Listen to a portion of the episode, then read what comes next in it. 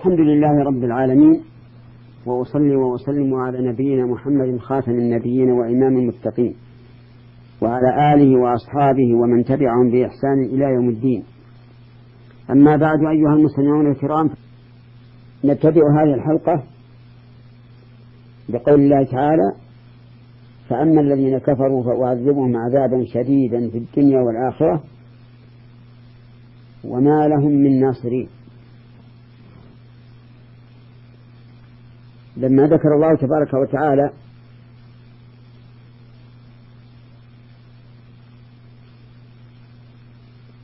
حال الناس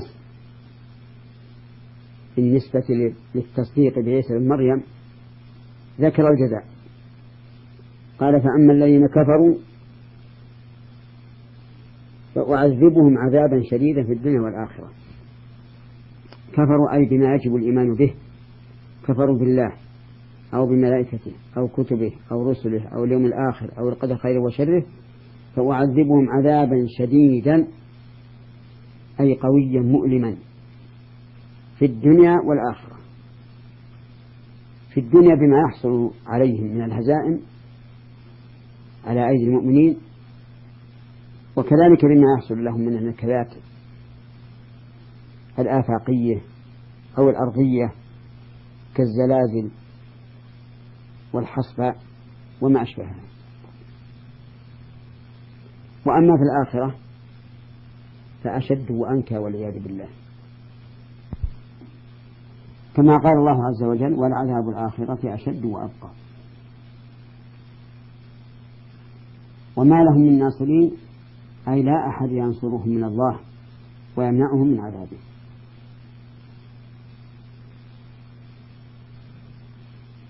هذا جزاء الكافرين. قال وأما الذين آمنوا وعملوا الصالحات فيوفيهم أجورهم. آمنوا أي بما يجب الإيمان به. من الإيمان بالله وملائكته وكتبه ورسله واليوم الآخر والقدر خيره وشره. وعملوا الصالحات أي عملوا الأعمال الصالحات. وهي المبنية على أمرين. الإخلاص لله والمتابعة لرسول الله صلى الله عليه وعلى آله وسلم. فيوفيهم أجورهم أي يعطيهم أجرهم وافيا. والأجر هو الثواب الذي جعله الله عز وجل للمرء إذا عمل عملا صالحا. وسماه أجرا لأنه يعطى العامل على عمله.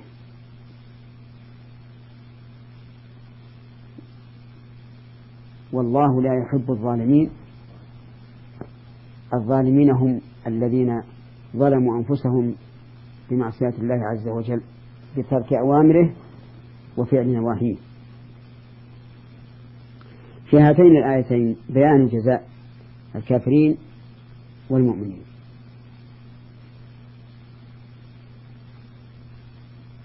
وفيهما أن الكافرين يعاقبون في الدنيا والآخرة.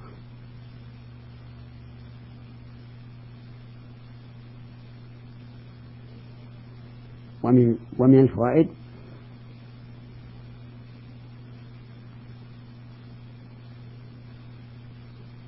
أن الجزاء من جنس العمل. فالمؤمن جزاؤه جنات النعيم. والكافر جزاؤه عذاب الجحيم والعياذ بالله. ومن فوائدها أنه لا ناصر لهؤلاء الكفار يمنعهم من عذاب الله. ويترتب على هذا قطع الرجاء أي رجاء أولئك القوم الذين يعبدون القبور ويتقربون بعبادتهم إياها لله عز وجل. فإن هذه القبور لن تنفعهم لا بجلب نفع ولا بدفع ضرر. بل لا تزيدهم إلا ضررا وبعدا من الله عز وجل. قال الله تعالى إنه من يشرك بالله فقد حرم الله عليه الجنة ومأواه النار وما للظالمين من أنصار. ومن ومن فوائد الآيتين الكريمتين أنه لا بد من إيمان وعمل صالح لمن أراد ثواب الآخرة. لقوله تعالى وأما الذين آمنوا وعملوا الصالحات. ومن فوائد هاتين الآيتين أنه لا بد من أن يكون العمل صالحا وإلا فلا ينفع صاحبه.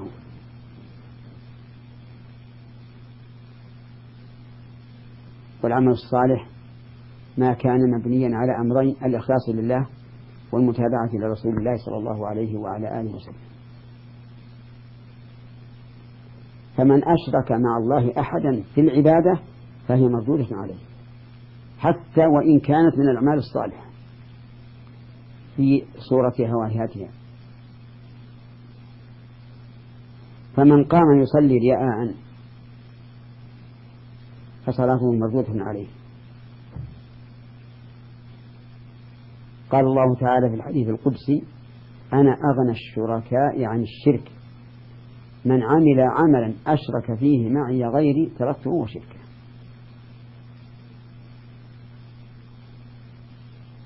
ومن تصدق بمال ليقال إنه جواد لم يقبل منه.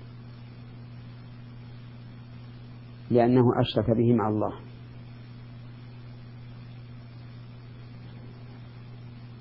ومن أمر بمعروف أو نهى عن منكر ليقال إنه محتسب آمر بالمعروف نهى عن منكر فلا ثواب له عند الله.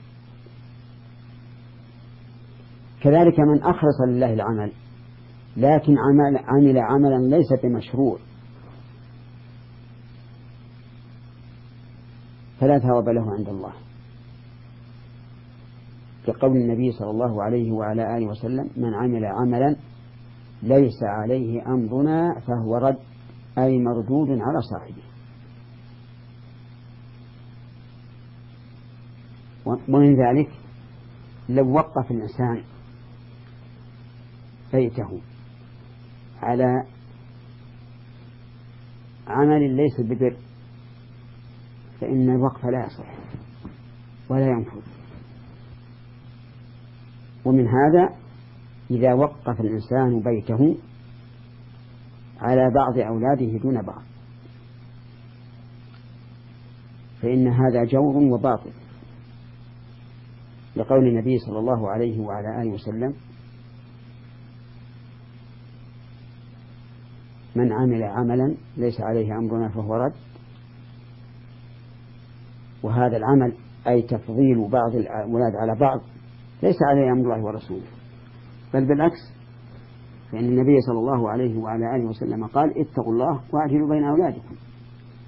ولما أعطى بشير بن سعد رضي الله عنه ابنه النعمان عطية قال له النبي صلى الله عليه وسلم أفعلت هذا بكل ولدك أو بكل بنيك؟ قال لا.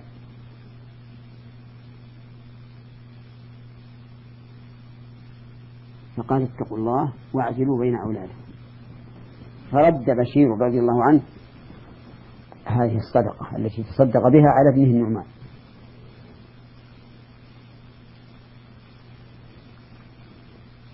ومن فوائد هذه الآية كرم الله عز وجل. حيث جعل ثواب الأعمال الصالحة أجرا يستحقه العامل كما يستحق ذلك الأجير مع أن الله عز وجل هو الذي تفضل أولا بالعمل الصالح فالفضل له أولا وآخرا سبحانه وتعالى.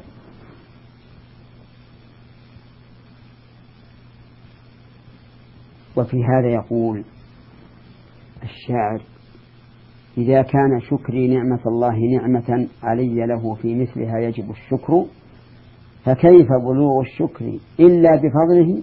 وإن طالت الأيام واتصل, واتصل العمر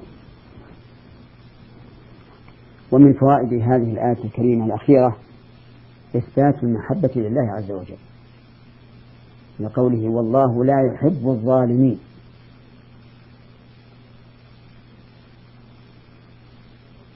ولولا ثبوت المحبة لله تعالى في غير هذا الموضع لكان نفيها في هذا الموضع عبثا لا حاجة إليه. ومحبة الله عز وجل ليست هي إكرام العبد بل إكرام العبد من آثار المحبة. المحبة محبة الله صفة قائمة بنفسه جل وعلا.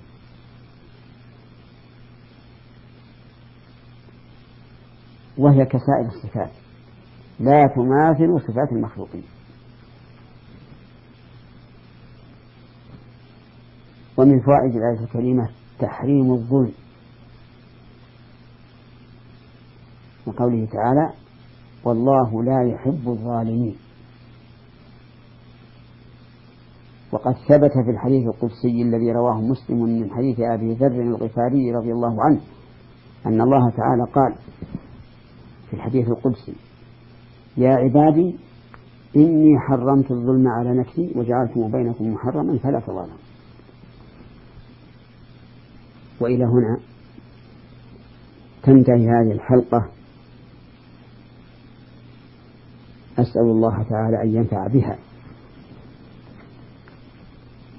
وإلى حلقة قادمة إن شاء الله. والسلام عليكم ورحمة الله وبركاته.